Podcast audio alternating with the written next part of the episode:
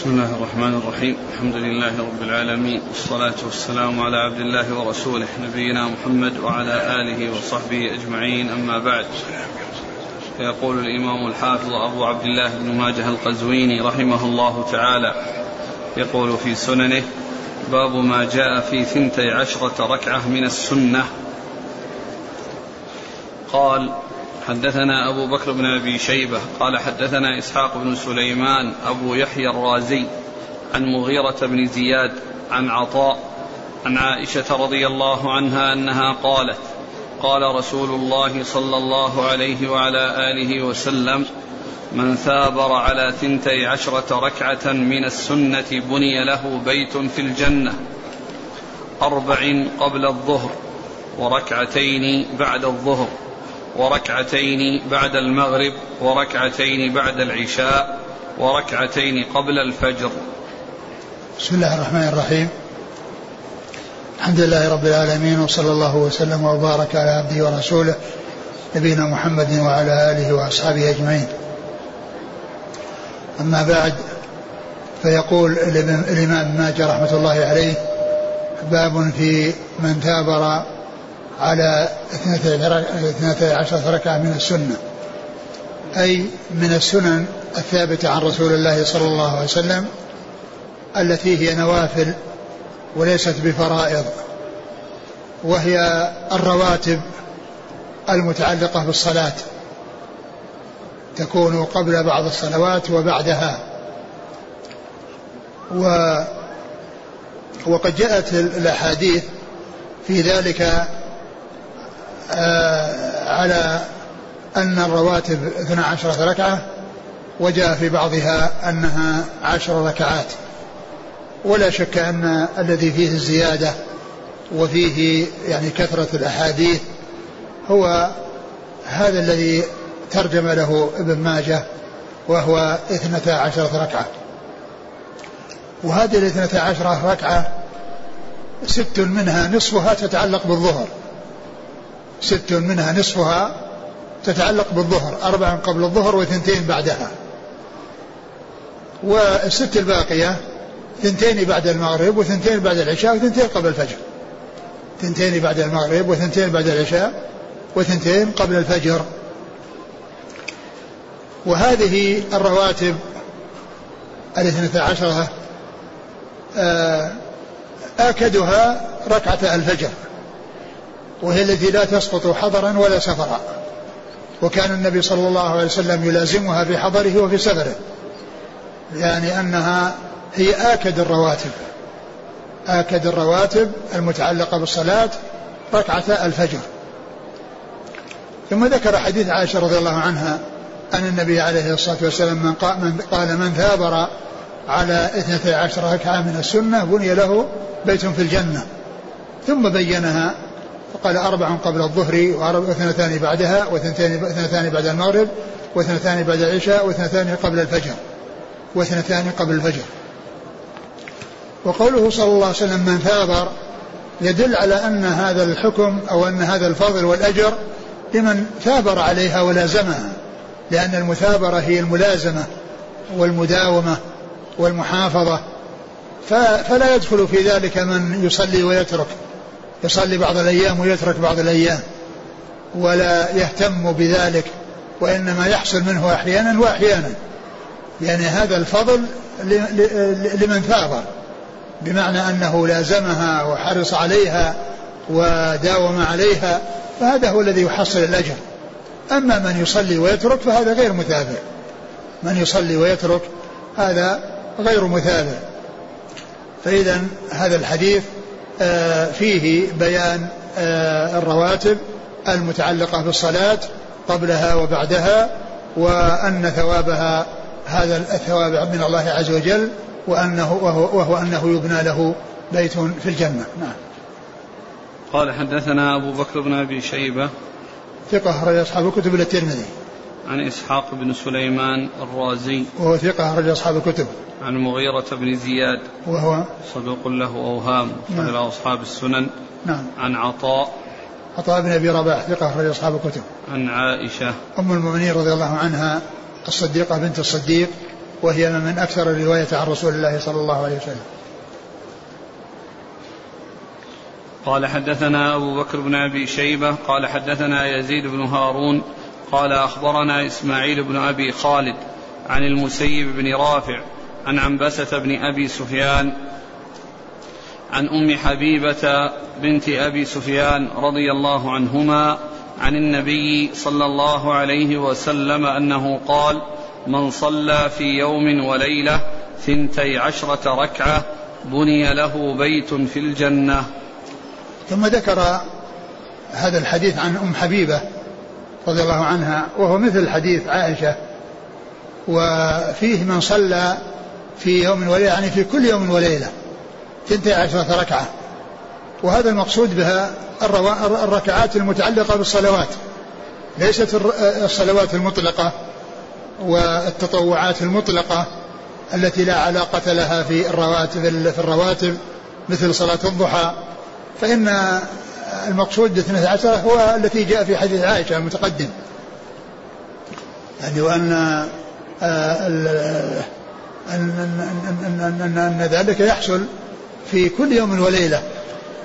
فإذا الصلوات التي آه، جاءت في الحديث هي الصلوات التي جاءت في الحديث السابق حديث عائشة رضي الله عنها وهي الرواتب المتعلقة بالصلاة فلا يدخل فيها الصلوات الأخرى التي هي غير الرواتب. نعم. قال حدثنا أبو بكر بن أبي شيبة عن يزيد بن هارون ثقة رجل أصحاب الكتب. عن إسماعيل بن أبي خالد وهو ثقة رجل أصحاب الكتب. عن المسيب بن رافع وهو ثقة أخرج له. أصحاب الكتب. نعم. عن عنبسة بن أبي سفيان. وقيل له رؤية وقيل أنه من كبار التابعين أخرج له. مسلم وأصحاب السنن. نعم. عن أم حبيبة بنت أبي سفيان. أم حبيبة رملة بنت أبي سفيان رضي الله تعالى عنهما. وقد أخرج حديثها أصحاب الكتب الستة.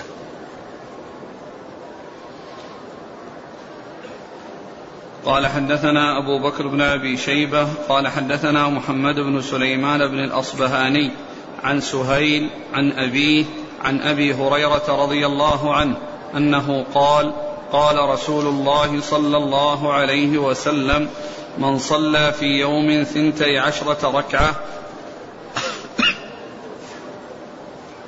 بني له بيت في الجنة ركعتين قبل الفجر وركعتين قبل الظهر وركعتين بعد الظهر وركعتين أظنه قال قبل العصر وركعتين بعد المغرب أظنه قال وركعتين بعد العشاء الآخرة. ثم ذكر هذا الحديث عن أبي هريرة. وفيه آه اثنتا عشرة ركعة. إلا أنه جعل قبل الظهر اثنتين وجعل قبل العصر اثنتين على الشك والظن وليس بالجزم وبعد المغرب اثنتين على الشك المغرب ولا العشاء. العشاء. نعم وبعد المغرب اثنتين وبعد العشاء اثنتين على الشك وبعد وقبل الفجر اثنتان. فهذه اثنا عشرة ركعة. هي نفس الذي مر في الحديثين السابقين إلا أن إلا أن فيه آه، ذكر اثنتين قبل العصر. اثنتين قبل العصر بدل أربعا قبل قبل الظهر.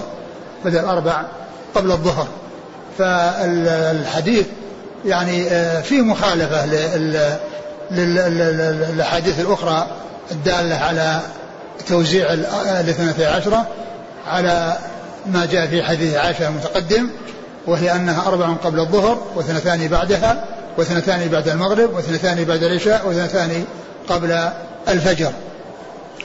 وبالنسبة للعصر ما جاء فيه شيء يعني يدل على أنه أن له رواتب كما جاءت مفصلة في آه، الأحاديث. ومجيئه في هذا الحديث فيه شك. وفي بعض رواته من هو فيه من هو يهم وهو ابن الأصبهاني. و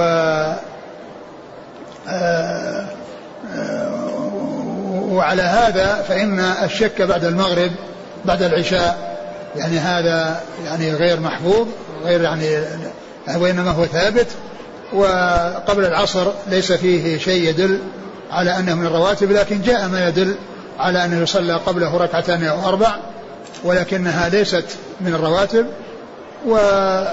وكذلك جاء أن يعني بين كل أذانين بين كل أذانين صلاة فيشمل في ذلك جميع الصلوات أنه يصلى فيها بين الأذان والإقامة لكن الرواتب التي ورد فيها فضل, فضل خاص هي الاثنة عشر التي جاءت في آه، حديث آه، عائشة وحديث آه، أم حبيبة. وجاء في حديث ابن عمر في صحيح, في صحيح البخاري وغيره أنه حفظ عن رسول الله صلى الله عليه وسلم عشر ركعات. وجعل قبل قبل الظهر اثنتين. وجعل قبل الظهر اثنتين. ولكن الأحاديث التي فيها ذكر الأربع وقد جاءت عن عن أكثر من صحابي يعني جاءت عن عائشة وعن ام حبيبة يعني تدل على أن الأولى الأخذ بها وأنه لا يقتصر على الاثنتين. ومن اقتصر ف ليس عليه شيء ولكن الأكمل والأولى والأفضل ان يؤتى بالاربع التي قبل الظهر. نعم. قال حدثنا أبو بكر بن أبي شيبة عن محمد بن سليمان بن الأصبهاني. وهو صدوق. يخطئ. نعم. الترمذي والنسائي وابن ماجه. نعم. عن سهيل. وسهيل بن أبي صالح وهو صدوق خرج له أصحاب الكتب إلا أن رواية البخاري عنه مقرون. ونعم عن, عن أبيه. عن أبيه أبو صالح ذكوان السمان وهو ثقة أخرجه أصحاب الكتب. عن أبي هريرة. نعم. يقول السائل هل هذه السنن أو هذا الفضل بني له بيت في الجنة؟ يعني عن كل يوم ثابر على ثنتي عشر ركعة أو أن هذا خلال عمر الإنسان كله. الذي يبدو أنه أنه يعني مطلقة ما هو كل يوم يبنى له كل يوم يبنى له بيت في الجنة. الذي يبدو أنه يبنى له إذا ثابر على هذا يبنى له بيت في الجنة. هل يشرع؟ يعني لا يقال أن كل يوم يصير فيه آه، يعني آه، بيت. نعم. هل يشرع الجهر في الرواتب؟ ما يشرع.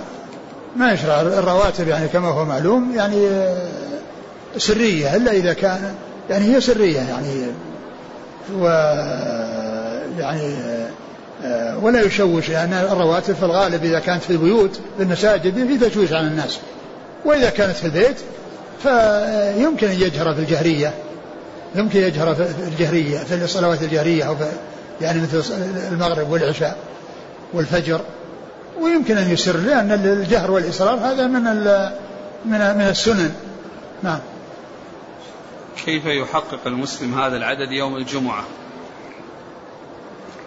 يوم الجمعة يصلي ما أمكنه أن يصلي يصلي ما أمكنه أن يصلي كما جاء في الحديث كما جاء في الحديث عن النبي صلى الله عليه وسلم أنه قال من يعني طهر يوم اغتسل يوم الجمعة وذهب وصلى ما شاء ما, ما كتب الله له أن يصلي إلى آخره فإذا يصلي ما أمكنه ويحصل هذا يحصل هذا الأجر.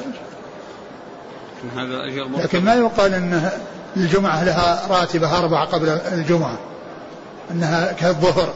لا تختلف عن الظهر لأنه ما ثبت شيء قبلها. ولكن ثبت أن الإنسان يصلي ما أمكنه أن يصلي. يصلي ما أمكنه أن يصلي بدون تحديد. يعني لأنه لو صلى ركعتين قبل كيف؟ لو صلى ركعتين قبل الجمعة. وصلى في بيته ركعتين ما تمت على كل على كل. هو إن شاء الله سيحصل الخير يعني ما دام ما بقي عليه الجمعة والباقي كله ملتزمة. لكنه إذا إذا آه، صلى الشيء الذي جاءت به السنة من آه، آه، الصلوات المتكررة والمتعددة بالنسبة لما كتب الله له كما جاء في الحديث لا شك أنه يحصل خير وفضل الله واسع. قال رحمه الله تعالى باب ما جاء في الركعتين قبل الفجر. قال حدثنا هشام بن عمار قال حدثنا سفيان بن عيينة عن عمرو بن دينار عن ابن عمر رضي الله عنهما أن النبي صلى الله عليه وسلم كان إذا أضاء له الفجر صلى ركعتين. ثم ذكر آه، الركعتين قبل الفجر. لأن ابن ماجه رحمه الله عرفنا فيما مضى من طريقته أنه آه، عندما يذكر ما يتعلق بالصلوات يبدأ بالفجر. يبدأ بالفجر. وكثير من أهل العلم يبدأون بالظهر. يبدأون بالظهر حتى ينتهوا بالفجر. وابن ماجه سبق أن مر بنا في أوقات الصلاة أنه ذكر ما يتعلق بالأوقات عموما ثم ذكر ما يتعلق بالفجر. يعني وقت الفجر. وهكذا حتى وصل إلى العشاء. وهنا لما ذكر ما يتعلق بالرواتب عموما في الباب السابق وأنها اثنتا عشرة موزعة على على الترتيب الذي بينه الرسول صلى الله عليه وسلم. بعد ذلك بدأ عندما جاء بالتفصيل بدأ بالفجر ثم الظهر وهكذا. فهنا أورد الترجمة فيما يتعلق بركعتي الفجر. وأورد أحاديث متعددة في آه، ركعتي الفجر. منها حديث ابن عمر أن النبي صلى الله عليه وسلم إذا كان إذا أضاء على الفجر آه، صلى ركعتين الذي هي تحية التي هي راتبة الفجر. وكان عليه الصلاة والسلام يصلي من الليل يعني ويوتر وإذا طلع الفجر أتى بالركعتين اللتين هما ركعة الفجر وكان ذلك في بيته عليه الصلاة والسلام. نعم. قال حدثنا هشام بن عمار صدوق خرج البخاري وأصحاب السنن عن سفيان بن عيينة ثقة أخرج أصحاب الكتب. عن عمرو بن دينار ثقة أخرج أصحاب الكتب. عن ابن عمر عبد الله بن عمر رضي الله عنهما أحد العباد له الأربعة من الصحابة وأحد السبع المكثرين من حديث الرسول صلى الله عليه وسلم. وهذا الإسناد من الرباعيات التي هي من أعلى الأسانيد عند ابن ماجه. قال حدثنا أحمد بن عبده قال أخبرنا حماد بن زيد عن أنس بن سيرين عن ابن عمر رضي الله عنهما أنه قال كان رسول الله صلى الله عليه وسلم يصلي الركعتين قبل الغداة كأن الأذان بأذنيه. ثم ذكر حديث ابن عمر أيضا أن النبي صلى الله عليه وسلم يصلي الركعتين قبل الغداة يعني قبل صلاة الغداة. يعني قبل قبل الغداة؟ نعم. قبل يعني قبل صلاة الغداة التي هي الفجر. لأن الفجر يقال صلاة الغداة ويقال صلاة الفجر قال صلاة الصبح كل هذه أسماء لها. فكان يصلي ركعتين قبل الغداة كأن الأذان في أذنيه. كأن الأذان في أذنيه يعني أنه يخففهما كأن الأذان اللي هو الإقامة في أذنيه يعني كأنه يسمع الإقامة ويريد أن ينتهي منها من أجل أن يدرك الصلاة. والمقصود الأذان هنا الإقامة. والإقامة والأذان والإقامة يقال لها أذان. وهذا الحديث من الأحاديث التي فيها إطلاق الإقامة على إطلاق الأذان على الإقامة. ومن حديث بين كل أذانين صلاة. بين كل أذانين صلاة. فإن المقصود بالأذانين الأذان والإقامة. وكذلك الحديث الذي في حديث زيد بن ثابت قال تسحرنا مع رسول الله صلى الله عليه وسلم ثم قام إلى الصلاة. قلنا كم كان بين الأذان والسحور؟ قال قدر خمسين آية. يعني الأذان هو الإقامة. يعني كم كان بين الأذان والسحور؟ السحور اللي هو الإمساك عن عن الأكل الذي يكون عند الأذان الثاني. كم كان بين الأذان والسحور؟ أي الأذان الأول الأذان الذي يكون عنده آه، عند طلوع الفجر اللي يكون عنده الإمساك عن الأكل. قال قدر خمسين آية يعني قراءة قدر خمسين آية هذا اللي بين الأذان والإقامة. فالحديث المراد بالأذان الإقامة وكذلك الحديث الذي فيه أن عثمان زاد الأذان الثالث في يوم الجمعة أطلق عليه الثالث وهو ثالث باعتبار الإقامة. يعني الثالث الذي هو هو ثالث من ناحية العدد ولكنه هو الأول. من حيث الوقوع.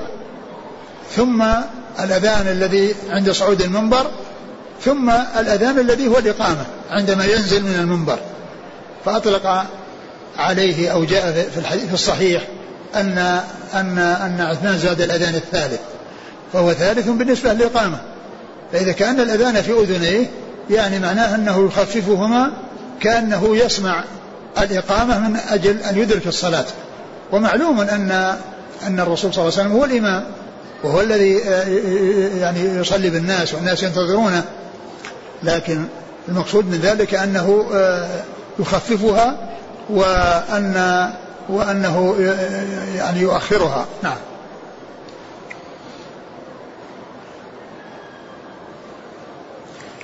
يؤخرها؟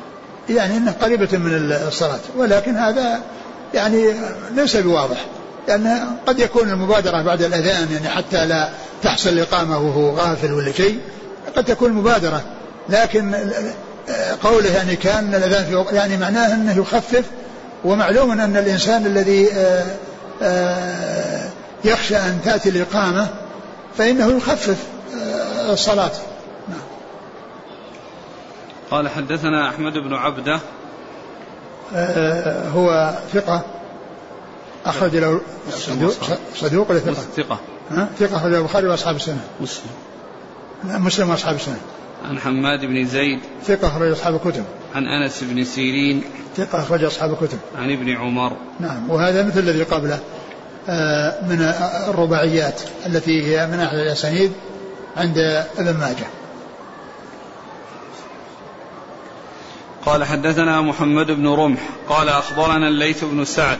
عن نافع عن ابن عمر رضي الله عنهما عن حفصة بنت عمر رضي الله عنهما أن رسول الله صلى الله عليه وسلم كان إذا نودي لصلاة الصبح ركع ركعتين خفيفتين قبل أن يقوم إلى الصلاة.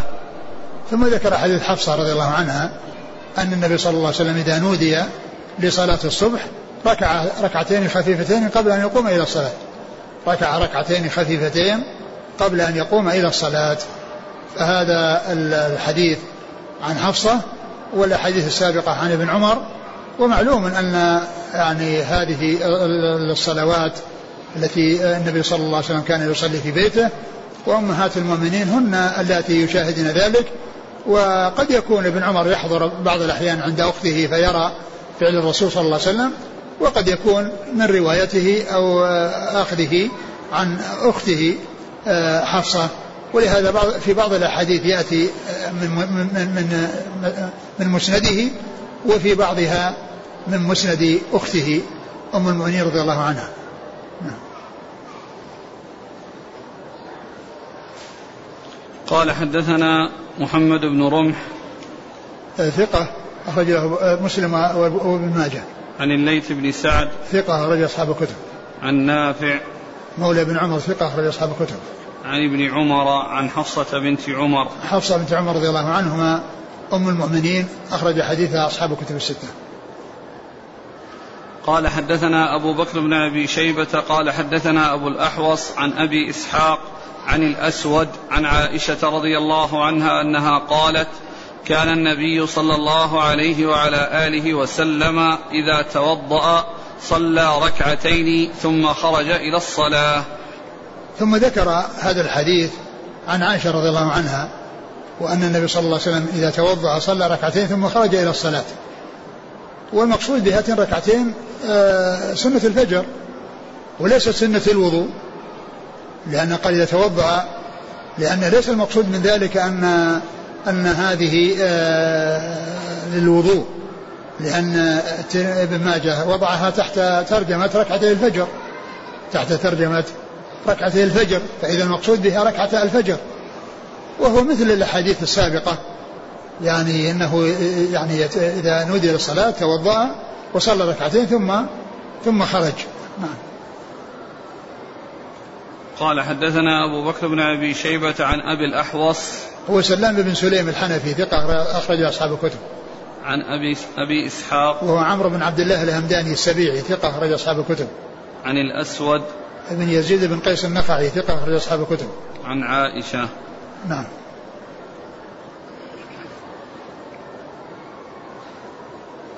قال حدثنا الخليل بن عمرو أبو عمرو.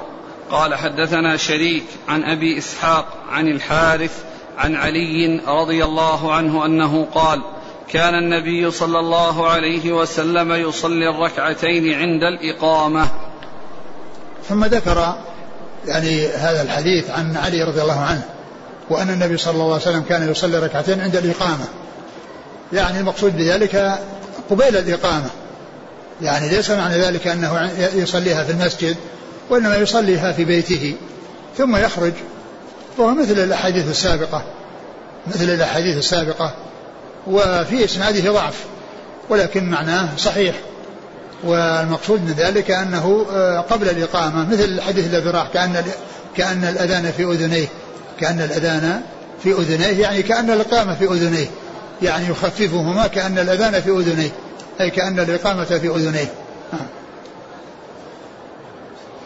قال حدثنا الخليل بن عمرو أبو عمرو هو صدوق أخرج له ابن ماجه.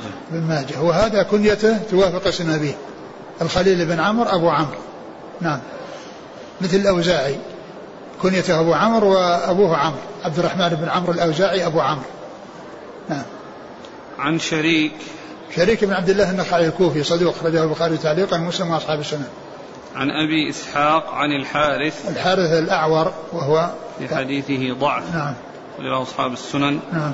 عن علي. علي رضي الله عنه أمير المؤمنين ورابع الخلفاء الراشدين الهادين المهديين صاحب المناقب الجمة والفضائل الكثيرة رضي الله عنه وأرضاه. وحديثه عند أصحاب الكتب الستة.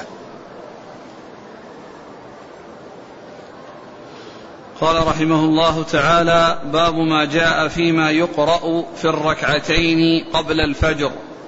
قال حدثنا عبد الرحمن بن إبراهيم الدمشقي ويعقوب بن حميد بن كاسب قال حدثنا مروان بن معاوية عن يزيد بن كيسان عن أبي حازم عن أبي هريرة رضي الله عنه أن النبي صلى الله عليه وسلم قرأ في الركعتين قبل الفجر قل يا أيها الكافرون وقل هو الله أحد.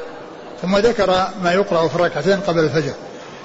ما يذكر ما يقرأ في الركعتين قبل الفجر. وقد جاءت السنة عن رسول الله عليه الصلاة والسلام في الأحاديث المتعددة أنه يقرأ فيهما قل يا أيها الكافرون وقل هو الله أحد. ويقال لهما جميعا سورة الإخلاص.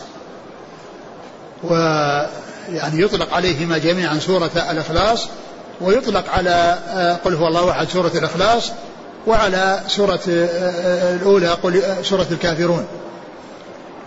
والأولى في توحيد العبادة التي يقول يا الكافرون في توحيد العبادة. لأنها يعني إخلاص العباده لله عز وجل والبراءة من عبادة معبودات من البراءة من المعبودات من المعبودات غير الله عز وجل يعني مما يعبده الكافرون. فسورة الكافرون فيها تقرير توحيد العبادة توحيد الألوهية وأن العبادة لله وحده لا شريك له. وأنه لا يعبد معه غيره وأن وأنه بريء من عباداتهم وهم ما داموا على ذلك فإنه لا علاقة لهم بدينه وعبادته التي هي التي جاء بها الإسلام.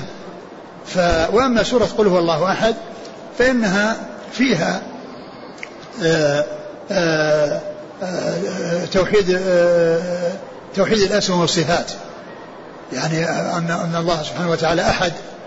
يعني هو واحد لا شريك له لا في ذاته ولا في ربوبيته ولا في صفاته ولا في يعني آآ آآ كل ما يختص به لا يشابه أحد من خلقه. وكذلك كونه صمدا يعني مستغن عن كل من سواه وكل من عداه مفتقر إليه. تصمد إليه الخلائق بحوائجها. الله تعالى المستحق المستغني عن كل أحد وكل مفتقر إليه. لا يستغني عن الله طرفة عين. ولهذا الصمد هذا من الأسماء التي لا يسمى بها غير الله عز وجل. مثل مثل لفظ الجلالة الله ومثل الرحمن ومثل الخالق والبارئ. فإن هذه من الأسماء التي لا تطلق إلا على الله ولا تطلق على غيره.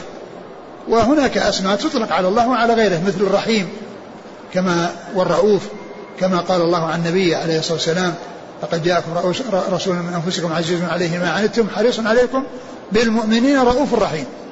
بالمؤمنين رؤوف رحيم. وأما الرحمن فإنها لا تطلق إلا على الله سبحانه وتعالى. ثم ذكر استغناءه عن الأصول والفروع والنظراء.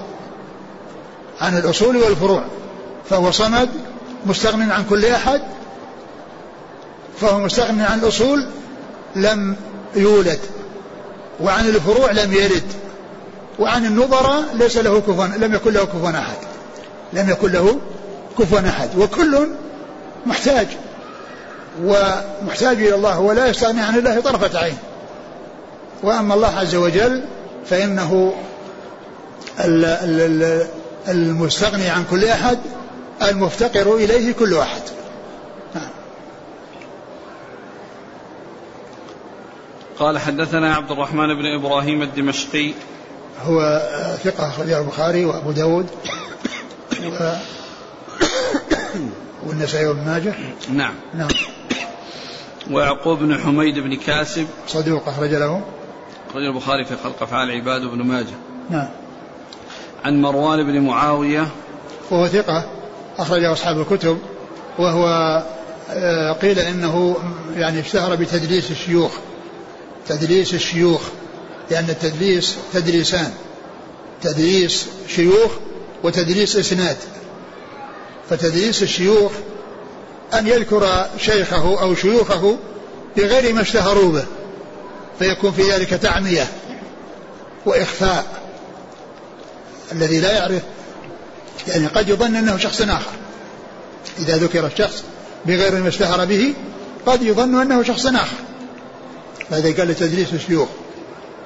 و وخطره وضرره أن يكون الشخص المعروف غير معروف لأنه ذكر بغير ما اشتهر به ذكر بغير ما اشتهر به. وأما تدليس الإسناد فهو فيه إسقاط. وهو رواية الراوي عن شيخه ما لم يسمعه منه بلفظ موهم السماع كعن أو قال لكنه إذا صرح بالتحديث أو الإخبار بأن قال سمعت فلان وأخبرني فلان عند ذلك لا تظن الواسطة ولا يظن السقوط بل يكون الاتصال. نعم عن؟ عن يزيد بن كيسان. يزيد بن كيسان ثقة أخرج أصحاب الكتب. صدوق يخطئ. صدوق يخطئ. صدوق يخطئ نعم. البخاري في المفرد ومسلم وأصحاب السنن نعم.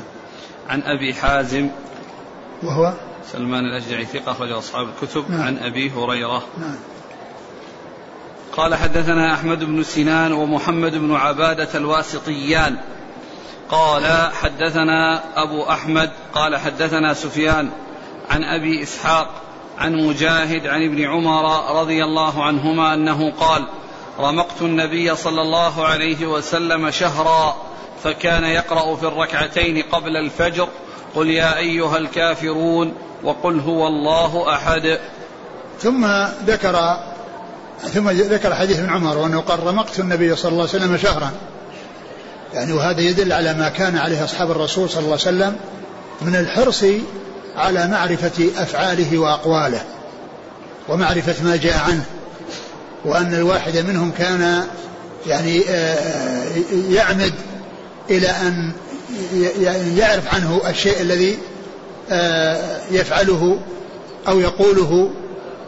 فقوله رمقت النبي صلى الله عليه وسلم شهرا يعني أنه يتابعه ويتأمل وينظر ويسمع يعني ما الذي يقرأ به.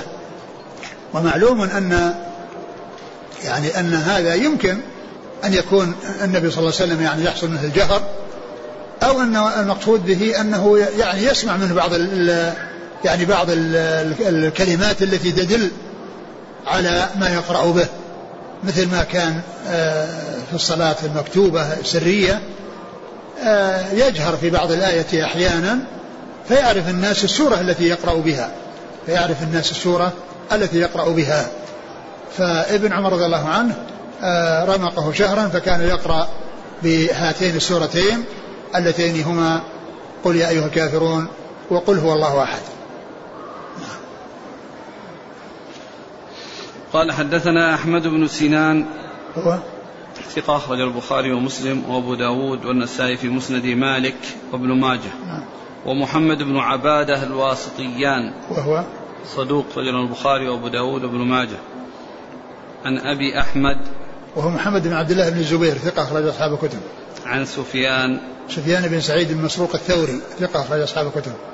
عن أبي إسحاق عن مجاهد. مجاهد بن جبر المكي ثقة أخرج أصحاب الكتب. عن ابن عمر. نعم. قال حدثنا أبو بكر بن أبي شيبة قال حدثنا يزيد بن هارون قال حدثنا الجريري عن عبد الله بن شقيق عن عائشة رضي الله عنها أنها قالت كان رسول الله صلى الله عليه وسلم يصلي ركعتين قبل الفجر وكان يقول نعم السورتان هما يقرأ بهما في ركعتي الفجر قل هو الله أحد وقل يا أيها الكافرون. وهذا الحديث مثل الذي قبله مثل الذي قبله يتعلق بقراءة قل هو الله أحد وقل يا الكافرون وقل هو الله أحد في ركعتي الفجر. أعد من أوله. قال كان رسول الله صلى الله عليه وسلم يصلي ركعتين قبل الفجر نعم.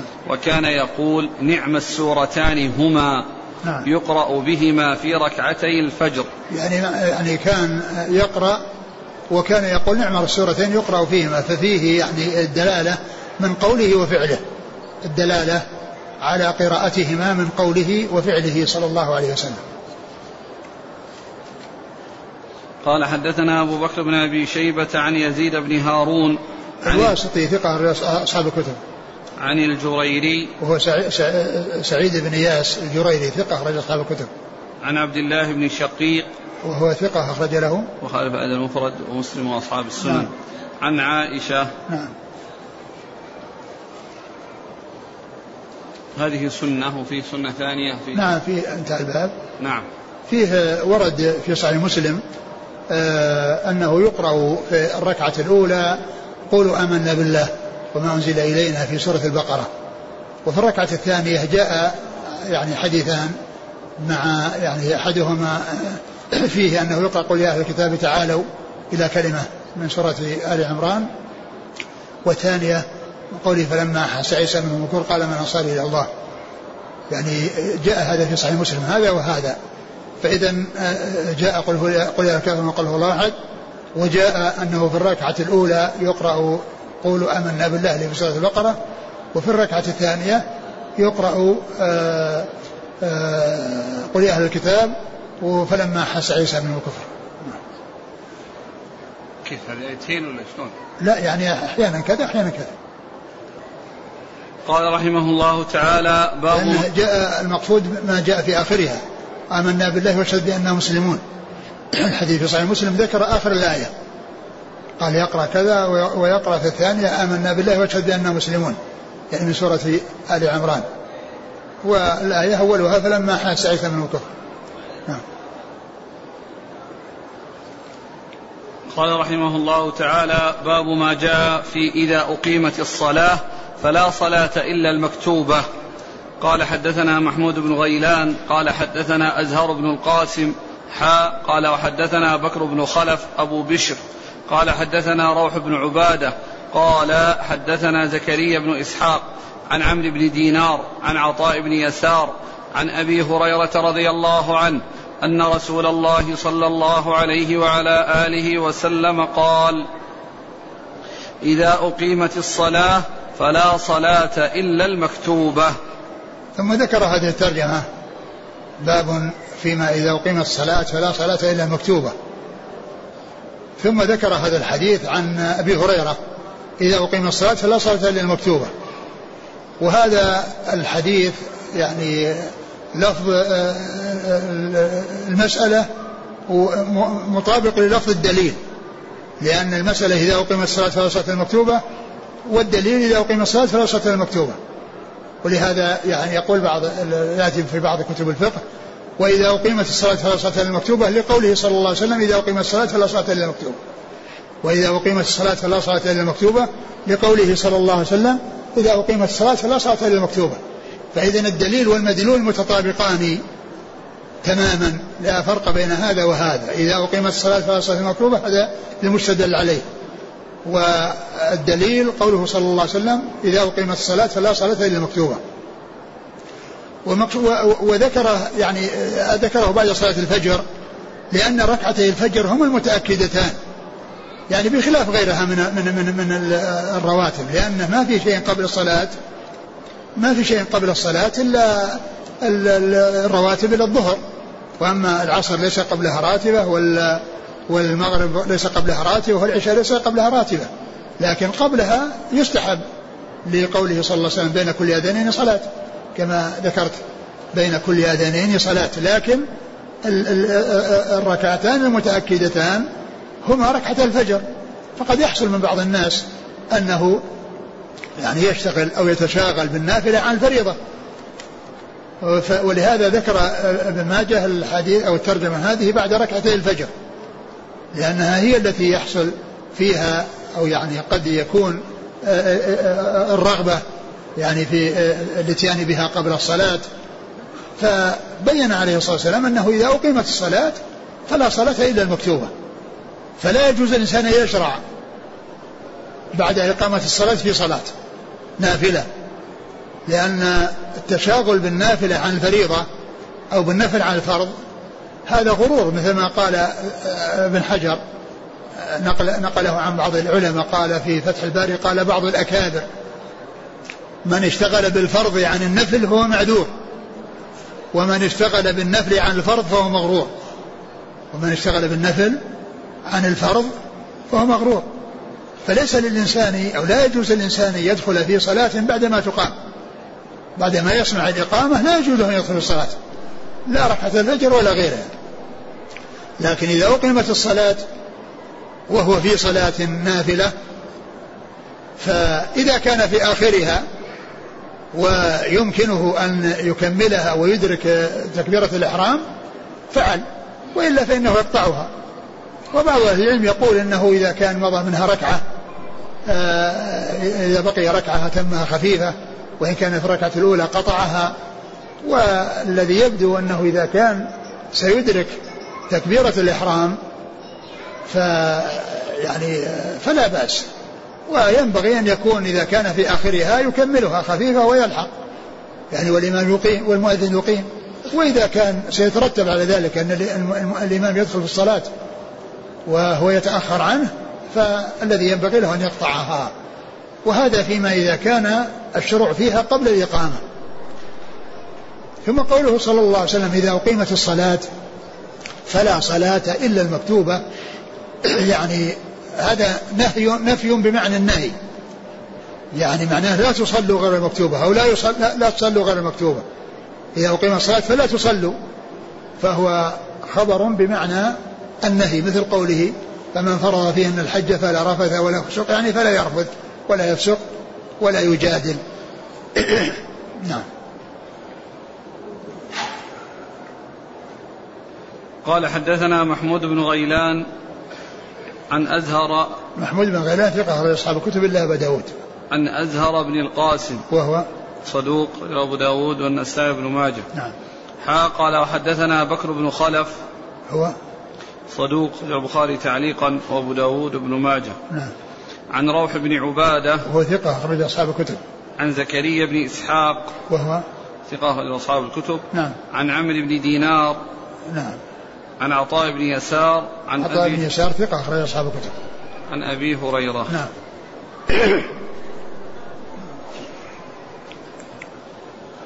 قال حدثنا محمود بن غيلان قال حدثنا يزيد بن هارون قال أخبرنا حماد بن زيد عن أيوب عن عمرو بن دينار عن عطاء بن يسار عن أبي هريرة رضي الله عنه عن النبي صلى الله عليه وسلم بمثله. نعم ثم ذكر يعني إسناد آخر عن أبي هريرة بمثله وكلمة بمثله أحيانا يقال بمثله وأحيانا يقول بنحوه وبينهما فرق. فإنه إذا قيل بمثله معناه أن المتن المتروك الذي لم يذكر مطابق للمتن الذي سبق والذي ذكر. وإذا قيل نحوه يعني أنه ليس مطابقا له وإنما بالمعنى يعني المعنى واحد. وإن حصل اختلاف في الألفاظ فقوله بمثله يعني المتن هذا الذي لم يذكر مطابق للمتن الذي ذكر نعم قال حدثنا محمود بن غيلان عن يزيد بن هارون عن حماد بن زيد نعم. عن أيوب أيوب بن تميم السختياني ثقة أصحاب الكتب عن عمرو بن دينار عن عطاء بن يسار عن أبي هريرة نعم. قال حدثنا أبو بكر بن أبي شيبة قال حدثنا أبو معاوية عن عاصم عن عبد الله بن سرجس رضي الله عنه أن رسول الله صلى الله عليه وسلم رأى رجلا يصلي الركعتين قبل صلاة الغداة وهو في الصلاة فلما صلى قال له بأي صلاتيك اعتددت؟ ثم ذكر هذا الحديث عن عبد الله بن سجس رضي الله عنه أن النبي صلى الله عليه وسلم رأى رجلا يصلي وهو في الصلاة. يعني من يصلي ركعتين. يعني ليس متابعا له وإنما مستقل بصلاته يعني يصلي ركعتين اللي هي ركعة الفجر. فلما فرغ وقال رآه في صلاته يعني النبي صلى الله عليه وسلم في صلاته لأنه صلى الله عليه وسلم كان يراه من وراء ظهره في الصلاة كما جاء ذلك في الحديث عنه عليه الصلاة والسلام. فقال بأي صلاتك اعتددت؟ نعم. بأي صلاتك اعتددت؟ يعني هل أنت أنت جئت للصلاة؟ أنت جئت للصلاة اللي هي الفريضة. فأنت بأي صلاتك اعتددت؟ يعني أنت معتدي وجاي لتصلي هذه وإن فاتتك الفريضة أو لتصلي الفريضة وإن فاتتك النافلة. يعني إنكارا عليه. يعني أنت يعني اعتددت بالنافلة أو بالفريضة. يعني آه، لأن الفريضة هي الأصل وليس الإنسان يصلي والفريضة قائمة. ليس الإنسان يصلي نافلة والفريضة قائمة. فالنبي صلى الله عليه وسلم أنكر عليه قال بأي صلاتيك اعتددت يعني صلاة النافلة أو الفريضة. أنت ما جئت للنافلة جاء للفريضة. والنافلة يمكن أن تقضى والفريضة إذا فاتت فاتت. نعم. قال حدثنا أبو بكر بن أبي شيبة عن أبي معاوية. محمد بن خازم ثقة أخرج أصحاب الكتب. عن عاصم. عاصم الأحول ثقة أخرج أصحاب الكتب. عن عبد الله بن سرجس. رضي الله عنه أخرج له. مسلم وأصحاب السنن. نعم. وهذا رباعي من من أعلى الأسانيد عند ابن ماجه.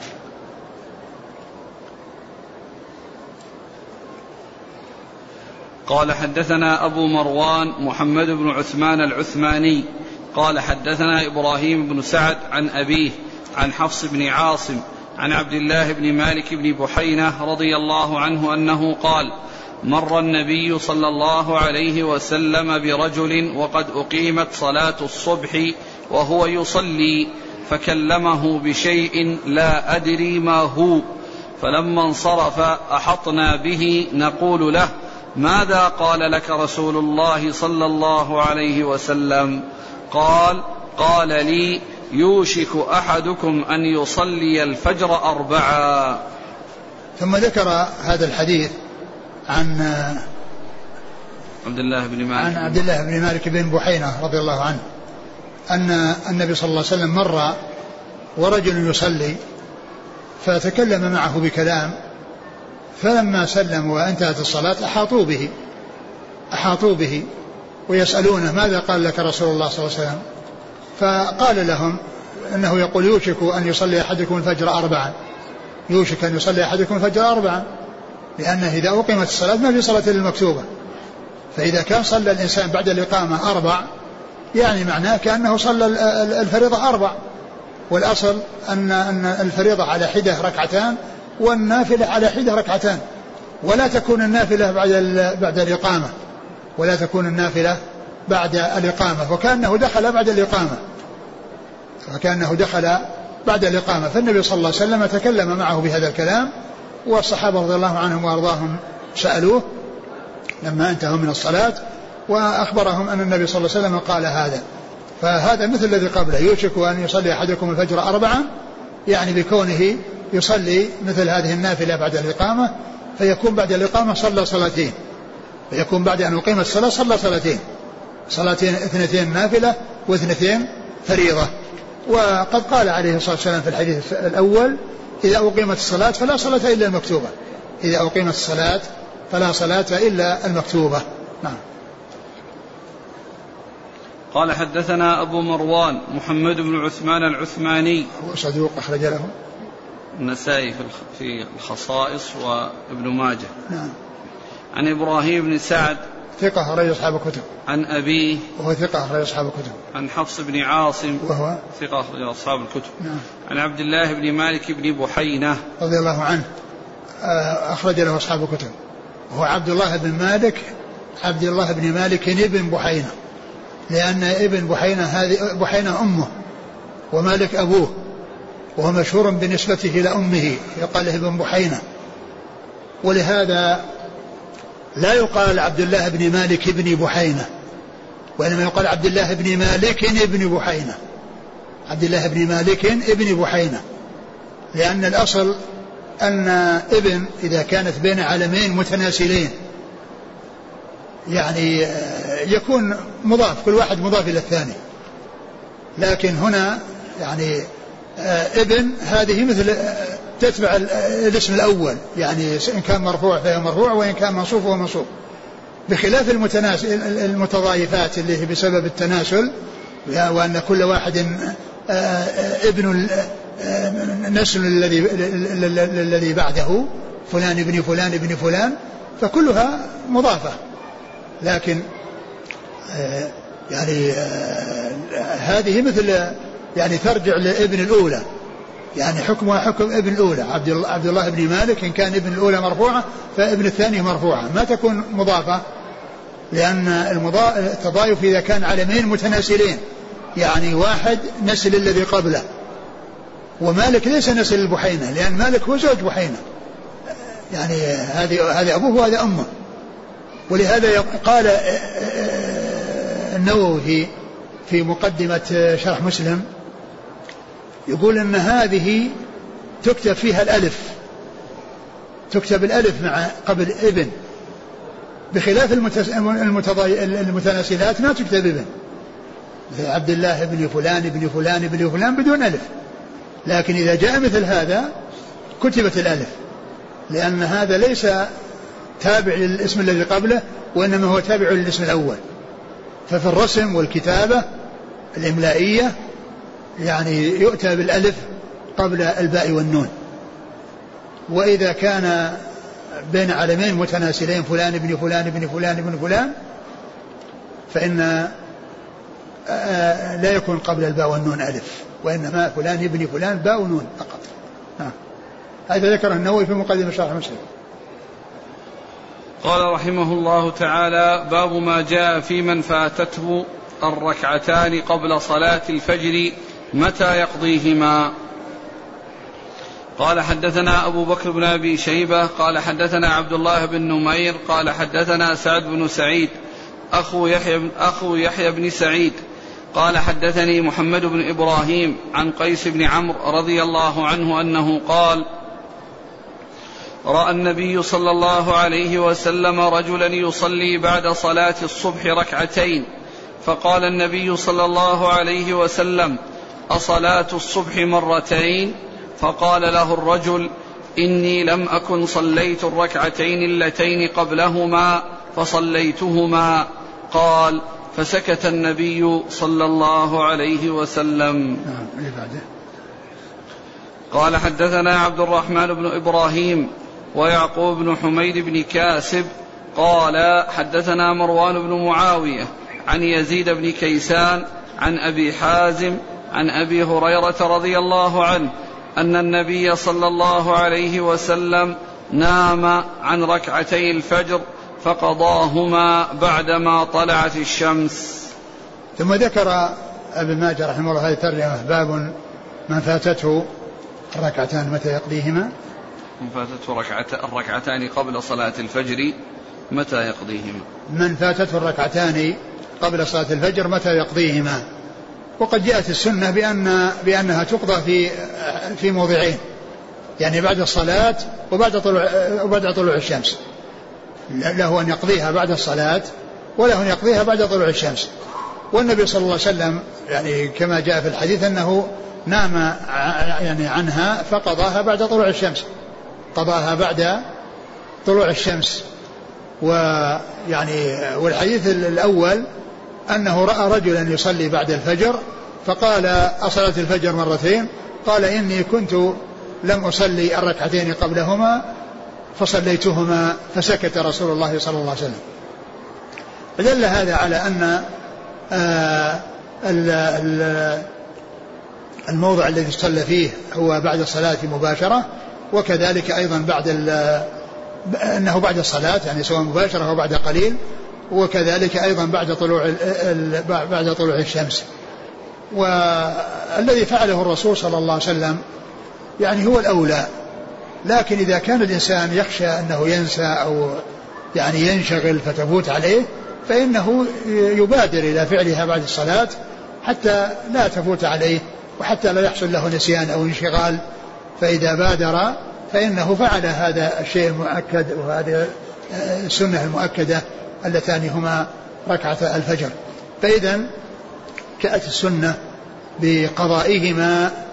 يعني لو أن الإنسان جاء وقد أقيمت الصلاة فإنه يدخل في الصلاة المفروضة وإذا سلم الإمام يمكن أن يأتي بالركعتين. وهذا يكون مستثنى من النهي عن الصلاة بعد الفجر حتى تطلع الشمس. لأن النبي صلى الله عليه وسلم سأله فقال إني لم لم أكن صليت الركعتين فصليتهما الآن فسكت رسول يعني أقره رسول الله. عليه الصلاة والسلام. أقره لأن سكوته إقرار له. ما نهاه وقال لا تفعل أو لا تعد. وإنما سكت عليه الصلاة والسلام فدل على تقرير ذلك وأن هذا سنة ثابتة عن رسول الله صلى الله عليه وسلم. فإذا آه، هناك وقتان لقضاء راتبة الفجر بعد الصلاة أو بعد طلوع الشمس نعم قال حدثنا أبو بكر بن أبي شيبة عن عبد الله بن نمير. عبد الله بن نمير ثقة أخرج أصحاب الكتب. عن سعد بن سعيد أخو يحيى بن سعيد. سعد بن سعيد أخو يحيى بن سعيد هو صدوق. صدوق سيء الحفظ. نعم. البخاري تعليقا ومسلم وأصحاب السنن. وهنا قال أخو يحيى بن سعيد لأن الشخص إذا كان مشهور ثم صار له قريب فإنه يذكر يعني قرابة منه حتى يعرف. وهكذا يعني يأتي يعني أحيانا عندما يكون الشخص غير مشهور وله قريب مشهور يعني يذكر ذلك المشهور الذي آه، آه، له قرابة منه. مثل ما قال هنا أخو آه، سعد بن سعيد لأن يحيى بن سعيد الأنصاري يحيى بن سعيد الأنصاري المشهور الذي هو من صغار التابعين. فله أخ أخوان يعني يأتي ذكرهما في الأسانيد. أحدهما سعيد بن سعيد والثاني عبد ربه بن سعيد.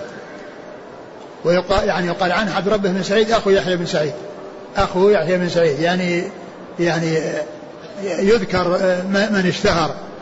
يذكر من اشتهر أو ينسب إلى من اشتهر أو يضاف إلى من اشتهر ومن له شهرة فيعرف بذلك.